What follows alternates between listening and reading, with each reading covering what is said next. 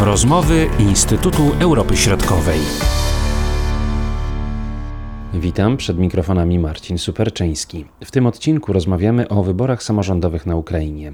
Partia prezydenta Wołodymyra Zeleńskiego, Sługa Narodu, z wyraźnym spadkiem w wyniku wyborów samorządowych na Ukrainie. Lepsze rezultaty uzyskała Europejska Solidarność byłego prezydenta Petro Poroszenki oraz Platforma Opozycyjna Za Życie. Jednak to regionalne komitety wyborcze uzyskały najwięcej głosów. Tym razem do wyborów poszło zdecydowanie mniej głosujących niż poprzednio. O przyczynach takiego stanu rzeczy z Kijowa mówi starszy analityk w Zespole Europy Wschodniej dr Anna Barzenowa. Rzeczywiście, kiedy analizujemy tą frekwencję, to rzeczywiście trzeba powiedzieć o wpływie epidemii COVID-19, ponieważ rzeczywiście sporo ludzi zrezygnowało z głosowania właśnie z powodu epidemii. Najbardziej aktywni byli wyborcy na Ukrainie Zachodniej zwłaszcza w obwodzie tarnopolskim, gdzie przegłosowało około 47% wyborców. Najmniej aktywni byli wyborcy w obwodzie doneckim. Zwycięzcami raczej są miejscowe elity polityczne. I generalnie rzecz ujmując, można powiedzieć, że dominująca dotychczas partia Sługa Narodu straciła na popularności. Jak duża jest to strata? Ponieważ jeszcze nie ma ostatecznych opublikowanych wyników wyborów, jeszcze nie można tak powiedzieć tak w 100%, ale partia Sługa Narodu zajęła trzecie miejsce. Jeżeli mówić o wyborach merów miast obwodowych, to faworytami są obecni merowie. Kandydaci z partii Sługa Narodu przeważnie nie przeszli do drugiej tury. Jednym z takich wyjątków, jeżeli chodzi o Sługę Narodu, jest miasto Użgorod na Ukrainie Zachodniej, gdzie kandydat z proprezydenckiej partii Andrii Szczadej ma szansę na zwycięstwo w drugiej turze. Jednocześnie w niektórych miastach zwycięzcy wyścigu prawdopodobnie zostali wybrani już w pierwszej turze, między innymi w Charkowie to Gennady Kernes w Mariupolu, Wadym Bojczenka w Kijowie, Witali Kliczko. Tutaj mówiła Pani o tym, że ta partia Sługa Narodów w sumie zajmuje mniej więcej trzecie miejsce po tych tak wyborach, a co z miejscem drugim i z miejscem pierwszym? Pierwsze miejsce to w, po całym kraju to raczej uzyskały partie regionalne. Za drugie miejsce rywalizują ogólnonarodowe partie, Pierwsza to Platforma Opozycyjna za Życie i druga to Europejska Solidarność. No i tutaj w zależności od, od, od miejscowości,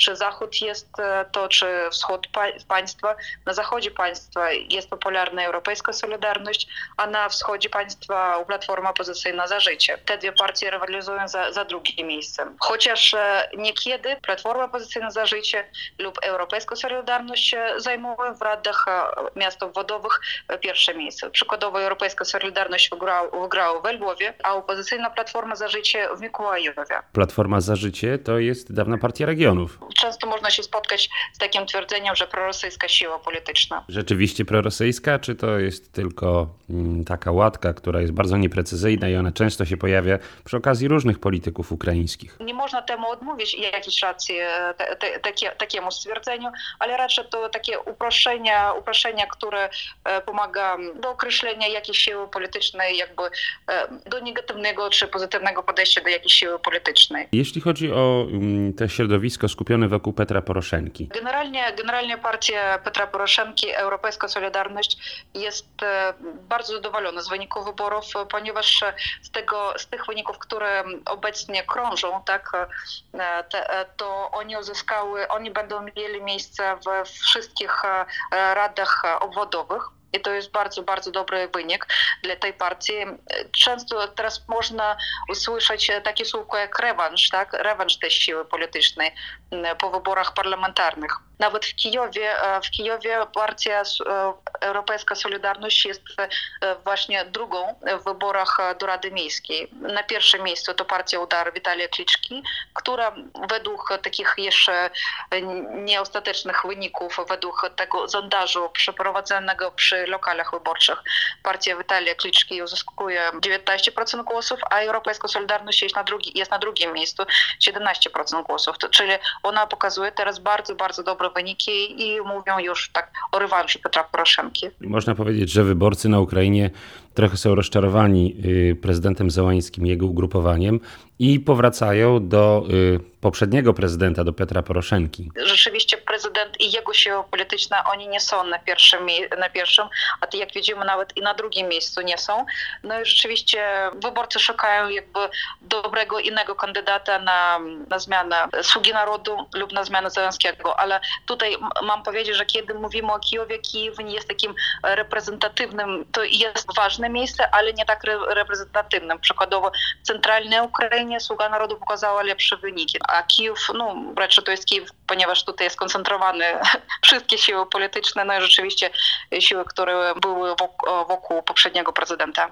Ukrainy. Kwestia tej y, wysokiej frekwencji wyborczej na Tarnopolszczyźnie, z czego ona wynika? Mówi pani, że to 47%. Tam jeszcze mam powiedzieć, że właśnie w władach zachodnich, i co jest ciekawe, zwyciężyła nawet nie partia, nie partia Europejska Solidarność, która rzeczywiście tam uzyskała sporo, sporo miejsc, ale przykładowo w tym samym Ternopolu e, uzyskała swobodę. Taka dość, dość nacjonalistyczna, skrajnie nacjonalistyczna partia, a właśnie te partie uzyskały na zachodniej Ukrainę du, duże poparcie. Czyli to jest ta tendencja która już się utrzymywała i która była zauważalna w poprzednich wyborach samorządowych tutaj na Tarnopolszczyźnie, prawda?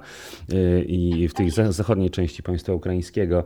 Y, czyli można powiedzieć, że to jest kontynuacja y, tego kierunku. E, można powiedzieć tak, że to jest kontynuacja, jednak teraz może nie ma takiego e, stricte podziału na zachód i wschód, ponieważ e, pojawiła się również, istnieje siła polityczna Sługa Narodu, która rzeczywiście odciąga na siebie głosy tych głównych rywali w poprzednich wyborów opozycyjna Platforma za Życie i Europejska Solidarność, które wcześniej oczywiście nazywały się trochę w inny sposób, mm, to właśnie Sługa Narodu również jakby to posiada również ważne miejsca. Jednak jeszcze raz podkreślę, że rzeczywistymi zwycięzcami tych wyborów są e, elity regionalne.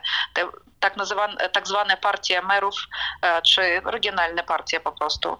Kiedy jest druga tura wyborów teraz? E, z drugą turą wyborów również jest ciekawa historia. Wcześniej przed pierwszą turą mówiono, że będzie 15 listopada. Jednak z powodów spraw takich sądowych w niektórych miejscowościach może to przesiągnąć również do grudnia. To właśnie ta informacja, która obecnie występuje w mediach. A odnośnie samego systemu wyborczego na Ukrainie do wyborów samorządowych, jak on teraz wygląda? Te wybory 25 października, oni po raz pierwszy były przeprowadzone zgodnie z nowym ustawodawstwem, nowym ustawodawstwem, czyli z otwartymi listami wyborczymi, z przestrzeganiem parytetu płci, ograniczeniami dotyczącymi samodzielnego zgłaszania kandydatów. Deputowani do rad lokalnych e, byli wybierani na podstawie dwóch systemów wyborczych: proporcjonalnego i większościowego. System głosowania w konkretnej miejscowości